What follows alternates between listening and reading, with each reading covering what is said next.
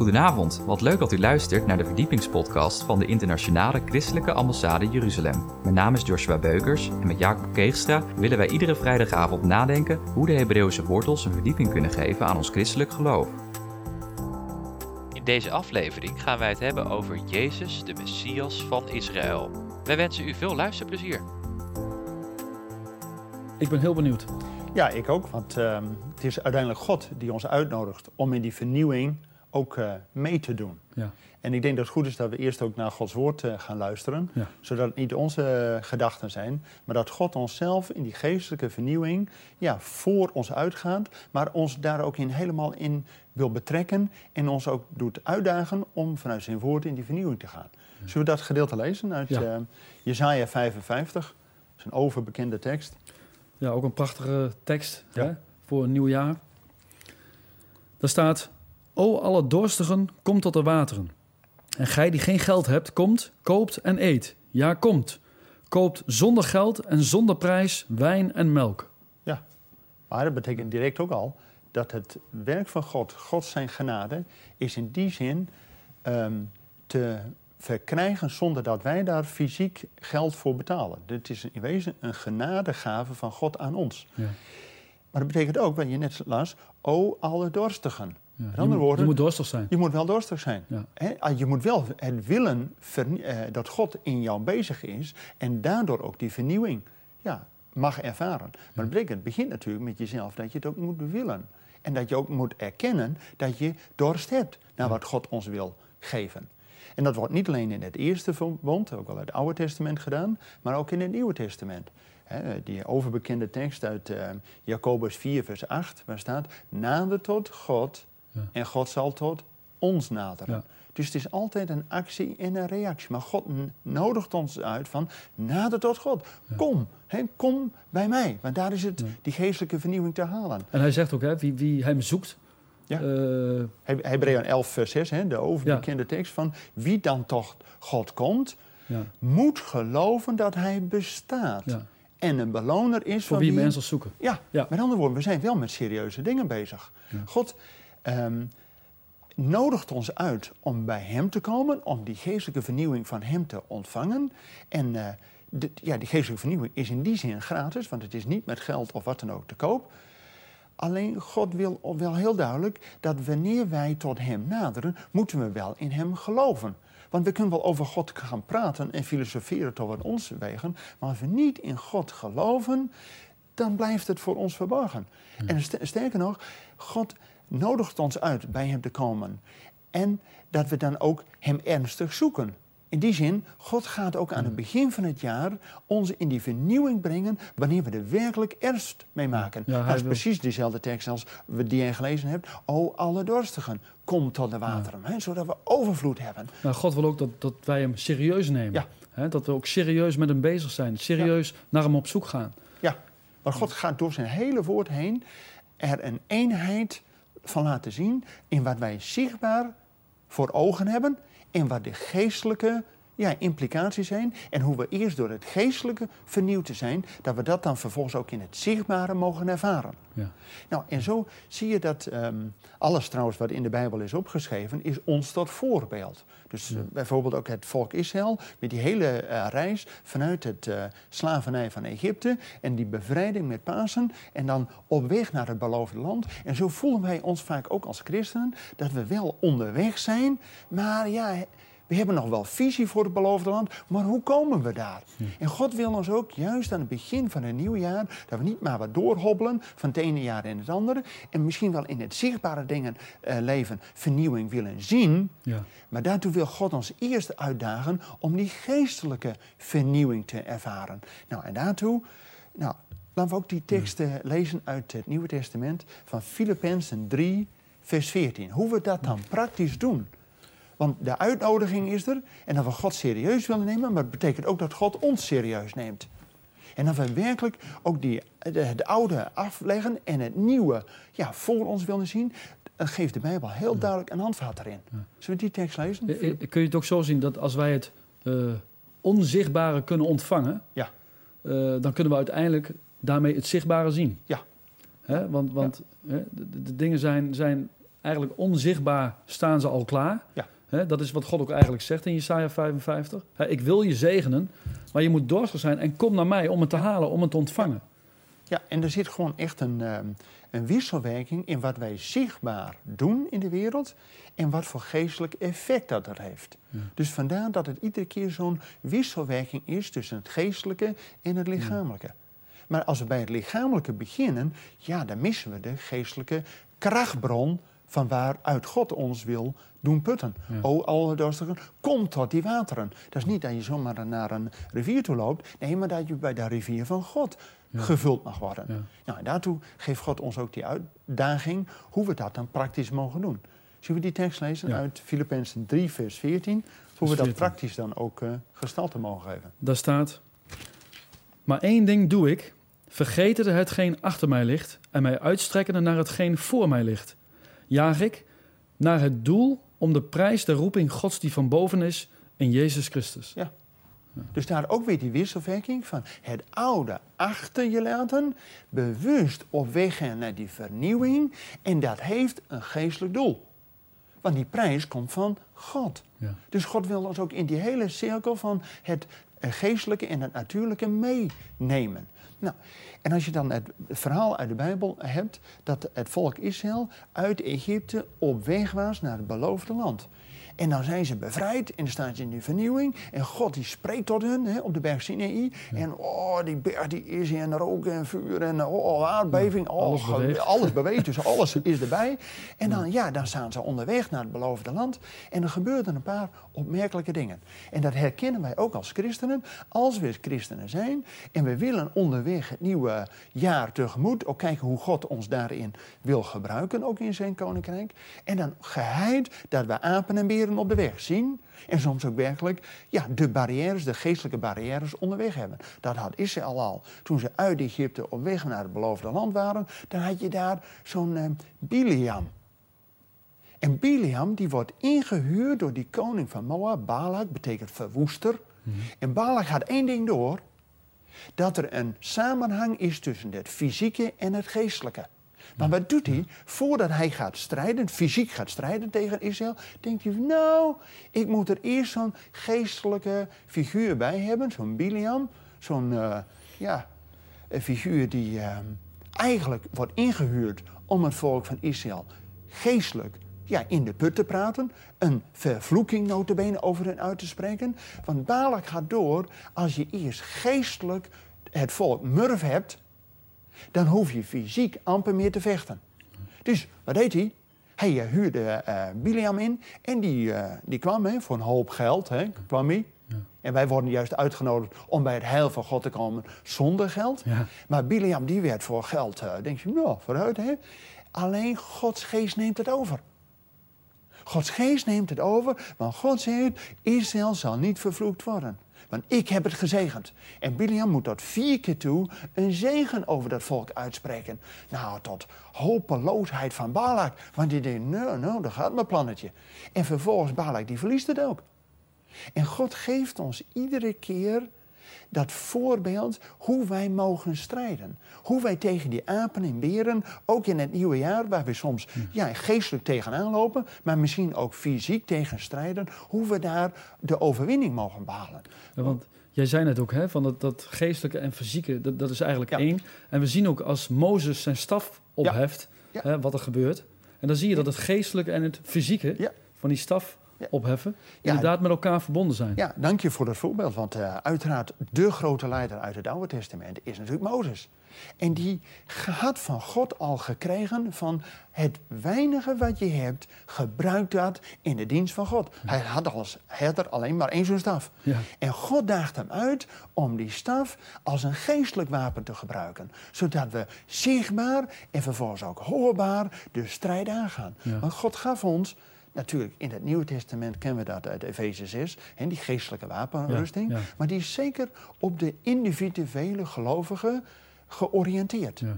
Maar God geeft ons ook als groep, als gemeente, een aantal zichtbare en tastbare dingen om het vol te houden in die strijd om toch naar die geestelijke overwinning te gaan. Om dat geestelijke doel te behalen die van God komt. Want de prijs, uiteindelijk aan het einde van ons leven, komt van God. En hoe doet God dat? dat? Nou, wat je net aangaf, hè, Mozes, dat zichtbaar die banier of die staf wordt als een banier omhoog geheven. En we lezen door de Bijbel heen, bijvoorbeeld in uh, Psalm 20, ik zal in de naam van God de banier opheffen. Ja, banier is ook een symbool voor overwinning, hè? Amen. Ja. Amen. Overwinning en banier, want het, ook in het leger, hè, als Nederland vecht of uh, andere landen, dan wanneer ze de banier hebben, de vlag hebben, ja, dat betekent van, ja, het, uh, het volk is overwonnen. Maar als het volk van God de banier opheft, betekent dat God herinnerd wordt en God gaat voor ons strijden. Ja. En God geeft ons niet alleen die banier als een zichtbaar teken, of die staf Gods, zoals Mozes dat omhoog moest doen. Maar uh, geweldig, hè? Toen Mozes die staf omhoog deed, toen kon Josia gaan strijden tegen Amalek. En die had de overwinning wanneer Mozes die staf omhoog deed. Maar als Mozes nou op een gegeven moment denkt, nou, even pauze, hè? oh, het is wel goed, hè? Dus even rusten. Even, jongens, time-out. Dus die staf naar beneden. En wat staat er in Gods woord? Dan kon Josia de overwinning niet behalen. En dus wat doet Mozes? Oké, okay, in vernieuwde kracht. De arm, de, de banier omhoog. En hij had twee helpers. Aaron en Hur, die ondersteunen hem, zodat die banier omhoog bleef staan tot de avond toe. Oftewel, dat Jozef een volledige overwinning had. Dan denk je van, hé, hey, dat is wat God zichtbaar wil doen. Die banier als een teken omhoog. En veel kerkdiensten in Nederland beginnen ook met het proclameren dat onze hulp is in de naam van God. Dat we hier niet als, als een gemeente, als een kerk, niet bij elkaar zijn in onze eigen kracht, maar dat we hier zijn in de naam van God. Want de naam van God is een sterke toren. En de rechtvaardige eilt erheen en is onaantastbaar. Dus God geeft ons een aantal hulpmiddelen om ook in die weg van vernieuwing overwinnend bezig te zijn. Is de, de shofar ook om te proclameren? Ja, uh, dank je. Dat is dat andere teken. Dat we niet alleen uh, zichtbaar die banier omhoog heffen, maar ook hoorbaar die shofar. En die shofar gaat door de hele Bijbel heen, is een teken van de lofprijzing, dat door de lofprijzing de overwinning van God behaald wordt. Want iedere keer in de Bijbel staat er, bijvoorbeeld in nummer 10, wanneer je dan de shofar of de bezuin blaast, dan worden wij niet alleen in uh, wat wij horen opgeroepen tot de strijd, die eerst geestelijk begint met de lofprijzing door de priesters. Maar doordat we de shofar blazen, de bezuin blazen, wordt God herinnerd aan zijn beloften. En hij zal voor ons strijden. Dus daardoor komt God eigenlijk in actie. Amen. en door die shofar wordt dus hoorbaar in de hemelse gewesten dat God als zijn belofte gehouden wordt, dat hij voor zijn volk zal strijden. En uiteraard, die shofar is ook hoorbaar voor ons, dat wij als gemeente en als volk van God worden opgeroepen om werkelijk in die vernieuwing voor geestelijk te beginnen. Want dat zien we al bij Josia, dan is hij in het beloofde land en dan uh, doet hij iets heel vreemds. Dan gaat hij Jericho, ja, ja, ja, dat was de eerste stad, de eerste geestelijke uh, of eerste fysieke uh, bolwerk om het uh, land in te nemen. En wat doet hij? Dan gaat hij met de ark voorop en de priesters en de bezuinen en dan heffen ze een loflied aan. En dan gaan ze de stad rond en dan gaan ze weer terug naar het tentenkamp. Nou, moet jij als persoon die in Jericho woonde, je denkt, nou, er komt zo'n heel leger aan, bijna een miljoen mensen, nou, dat is dan behoorlijk leger. En je staat er op die muur en je denkt, nou, wat doen die jongens? Komt er zo'n ark en de priesters in volledige tenue komen ze eh, de, de stad rond en ze hebben alleen maar een loflied aan. En dan gaan ze weer naar huis. En dan doen ze zes dagen. En de zevende dag doen ze het zeven dagen weer. Dan denk je, nou wat krijgen we nou? Ja. En op die zevende dag, tot zeven keer toe, dan gaat God antwoorden. En er staat notabene dat de muren van Jericho, die vielen gewoon omdat ze geen fundament meer hadden. En dan kon het volk van God zo... En dan zie je weer het fysieke en het geestelijke helemaal... Waar dat samengaat. Samengaan. En, en, God zegt ook in Exodus 14, vers 14... Uh, ja. Jij moet stil zijn en ja. ik zal voor je strijden. Ja. ja. wij worden uitgedaagd dat we niet door eigen kracht of geweld, maar door Gods geest. En God wordt aan zijn belofte gehouden doordat wij zichtbaar in het fysieke die banier opheffen, maar ook hoorbaar de bezuin of de chauffeur laten blazen, zodat God aan zijn belofte gaat gehouden wordt. En hij gaat voor ons strijden. En wij hoeven alleen maar te wachten totdat God ons de overwinning geeft. Ja. Nou, dat wil je toch als christen ook. Absoluut. Maar dus- hoe passen we dit toe in ons dagelijks leven? Want veel mensen hebben strijd met, met allerlei dingen. Ja. Nou. Maar ik denk dat wij ook op deze manier uh, bijbels en geestelijk moeten denken. Ja. Dat dit werkt natuurlijk ook in ons dagelijks leven. Ja, wil ik nog één ding, de, de, de lijn uit de Bijbel doorzetten voordat we aan de toepassing voor ons Ja, eh, eigen ja, leven zijn. Want ja. Israël was eerst onderweg van eh, Egypte naar het beloofde land. En had je zo'n Biliam die hun eigenlijk al geestelijk de weg wil versperren. Hè, door een vervloeking uit te spreken in plaats van een zegening. Maar God overroelt dat en die geeft een zegening. Maar dan in het beloofde land zie je precies die geestelijke dingen weer. Dan denk je, oh, het volk Israël is in het beloofde land. Nou, arrivé, hè, we zijn er wel. Dus dan is die strijdbare houding is er niet meer zo. Ze denken, oh, we zijn er. En dan komt er zo'n andere reus op hun af. En dat is Goliath. Ook zo'n eh, reus eh, in het verkeerde, hè? Ja. Kwaad in het kwadraat, om, om dat maar te zeggen. En wist je dat Goliath notabene ook nog vier broers had? We denken allemaal Goliath en, en David, hè? Ja. Maar Goliath had ook nog vier broers. En die komen verderop in de Bijbel ook daarvoor. En David en mannen moeten niet alleen tegen Goliath strijd vechten... maar ook tegen die andere reuzen. Dus ook al ben je ehm, als christen... dat je denkt, nou, we zitten hier goed. We, hebben, hè, we zijn een kind van God. Eh, ARIV-gevoel, we horen bij het koninkrijk van God. Wie kan ons wat maken? Maar dan komt er ineens zo'n Goliath op hun af. En wat zie je dan? Goliath doet precies hetzelfde als Balak en Biliam. Goliath ze was natuurlijk een krachtpatser. Dus iedereen denkt van nou. Maar goed, Israël met zijn hele leger was ook een half miljoen mensen onder Saul. Hè, koning Saul. Alleen, Goliath heeft door, als we dat volk van God eerst geestelijk murf maken, Ja. ja, dan zijn ze zwak. Dan zijn ze fysiek zo verzwakt dat vechten eigenlijk geen zin meer heeft. Want ze zijn eigenlijk oh, een beetje timide aan de gang. Dus Goliath komt er dag in dag uit en die vervloekt de naam van God. En dan komt David, de geliefde, die in de naam van God de strijd aangaat. Maar David vecht eerst niet fysiek, maar hij zegt, ik kom u tegemoet in de naam van de God van Israël, die gij getart hebt. Ja. En dan heeft hij vijf stenen. Vijf is een getal van de vijf boeken van Mozes.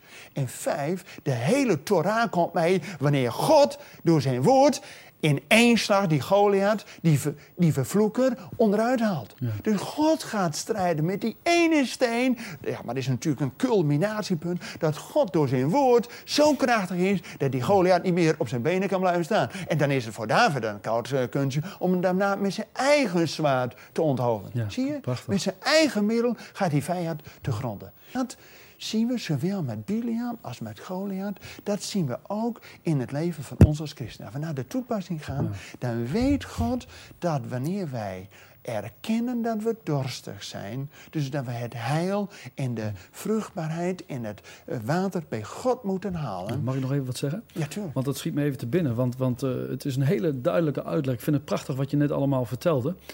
Maar je ziet, en dat heeft ook met de, hè, onze, de toepassing die je denk ik Ja. ook wil uitleggen te maken, denk ik. Maar eh, de duivel werkt precies zo. Ja. Hij valt ons aan in onze gedachten, Ja. waardoor we ook lichamelijk soms zwak worden. Ja. Dat, dat- en dat werkt precies zo. Ja, daarom geeft God dat bijvoorbeeld in eh Jezaja 35. Dat zijn tien versen.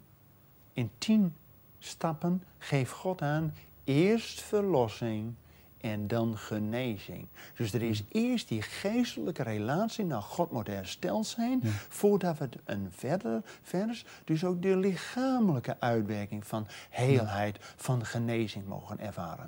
Ik ben blij met die aanvulling die je geeft. Want voordat je het weet, we, we focussen ons als christen ook vaak op het zichtbare. Oh, het gaat ons goed. Hè?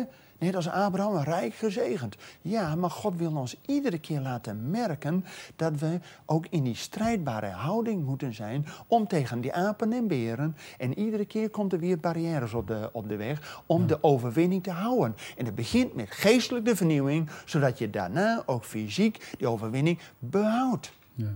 En, en hoe gaat dat dan in het Nieuwe Testament? Of door de hele Bijbel heen? Weet God dat wij zwak zijn. Ja. Dus niet door de eigen kracht of geweld, maar door Gods geest nodigt God ons iedere keer uit. Ik heb een eh, spreuk in mijn eh, kantoor hangen. Ja? God gaat graag om met zwakke mensen, want er zijn geen anderen. Ja. Amen. nou, daar voeg je je graag bij. Dat is net zoals je denkt van, oh, ehm, jongens, ik ga naar een perfecte kerk. Of ik zoek een perfecte gemeente. Ja, die is er nou, niet. als je die gevonden hebt, pas jij er misschien niet bij. Ja. Hè? ja, Ja. betekent in hoeverre. Dus dat je het niet uit eigen kracht allemaal probeert. En daarom weet God dat God voor ons gaat strijden.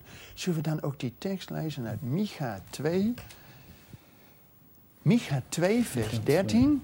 dat God voor ons wil strijden. En die vernieuwing, die geestelijke overwinning van tevoren wil ja, uitwerken, zodat het daarna ook in ons leven zichtbaar wordt. Want die samenwerking tussen de geestelijke vernieuwing en de zichtbare ja, uh, zegening of genezing, die wisselwerking is er iedere keer. En als we ergens in ons leven voelen we, oh, we zijn zwak, of we zijn aangevallen, of we zijn uh, ziek, of uh, in een de depri, dan daagt God ons uit om geestelijk die vernieuwing aan te gaan. En God geeft notabene ook nog de middelen daartoe. Ja. Zullen we daar die tekst van lezen? Maar dan geeft God aan wat Hij zelf doet om ons in die vernieuwing te brengen. Micha 2, vers 13. Vers 13. Even kijken, daar staat... De doorbreker trekt voor hen op. Zij breken door en trekken door de poort en gaan daardoor uit. En hun koning trekt voor hen uit en de heren aan hun spits. Ja. Kijk, die, die, die, die samenhang dat God in de hemel aan de spits gaat. En zijn gezalde, zijn koning, gaat voor hen uit. Oftewel, God gaat zelf die doorbrekerrol spelen. hij staat eigenlijk aan de frontlinie. Ja. En wij hoeven in wezen als christen alleen maar te volgen wat ook onze Heer Jezus Christus voor ons gedaan heeft. Eerst heeft Jezus die geestelijke relatie hersteld door het werk aan het kruis. Maar daarna mogen wij ook als koningen en als priesters met hem regeren. Ja. En dan, ja, door de hele Bijbel heen, bijvoorbeeld in het laatste Bijbelboek, Openbaring, wordt ook een lied van vernieuwing gezongen voor de, door de mensen die achter die doorbreker aangaan. Achter die koning. Het koninkrijk, ja, breekt baan omdat God doorbreekt. En die mensen die in die voetstroom van die uh, heiland, van die koning meegaan, de Heer aan hun uh, spits, daar staat, zij zullen tot koningen en tot priesters zijn. Nou, koningen die regeren over hun omstandigheden. En priesters gaan met die lofprijs zegenend rond. Dus het is er ook nog een uitwerking voor anderen. Ja, nou, zo gaan we rond in het nieuwe jaar. Dat wij zelf door die vernieuwing, die we niet zelf bewerkt hebben, maar dat God doorbreekt in ons leven. En dan mogen wij in zijn voetspoor tot een zegen voor anderen zijn. Ja, geweldig. Wil ik toch maar één tekst eindigen. Als wij in die vernieuwing zijn, en het centrale werk, ook in de gemeentes, is dat Christus door brood en wijn ons tegemoet komt. Ja, via het avondmaal. Via het avondmaal. En avondmaal is ook wat geestelijk gebeurd is, dat we dat zichtbaar zien. En daar zegt God in zijn woord, Psalm 34, smaakt en ziet dat de Heer goed is. Nou, dat is ook wat we net hadden met die banier, dat het zichtbaar is, chauffeur dat het hoorbaar is en dat het uiteindelijk voelbaar is. Dus smaakt en ziet dat het geestelijke en natuurlijke zo'n wisselwerking heeft en niet zomaar maar, maar smaakt en ziet dat de Heer goed is. Tof, staat er in de Bijbel. Nou, zo tof dat tof alleen maar kan zijn. Dat God is absoluut, goed. Absoluut. Amen. Ja, prijs de Heer. Nou Jacob, volgende week gaan we ja. eigenlijk min of meer een beetje verder met deze studie. dan gaan we het hebben over de heerlijkheid van God. Ja. Uh, kun je daar kort iets over vertellen wat we precies volgende week kunnen verwachten? Ja, want uh, door de hele Bijbel heen worden we uitgenodigd dat we van dankzegging, lofprijzen uiteindelijk in aanbidding komen. En aanbidding is niet iets wat we zomaar even doen, maar dan moet Gods geest het over gaan nemen. Ja. Dankzeggen kunnen we uit eigen kracht. De Gods wil bezingen, oh, dat lukt ook nog. Maar de aanbidding, dan moet God, die geestelijke vernieuwing, ook door ons heen, zelf die aanbidding in ons bewerken. Dan is het God die aangebeden wordt. Dan is het wanneer wij door de knieën gaan, dat God voor ons ja, de woorden geeft, dat we Hem mogen loven, prijzen en. Bedankt voor het luisteren naar deze verdiepingspodcast van de ICEJ. Waardeert u onze podcast? Steun ons dan met een donatie, abonneer u of deel deze podcast met uw vrienden of familie. Ga naar www.icej.nl. Volgende week gaan wij verder met deze Bijbelserie Wie is Jezus? Dan volgt het laatste deel, Jezus, Heer van de gemeente. We hopen dan dat u wederom naar ons luistert. Hartelijk bedankt voor het luisteren en tot volgende week.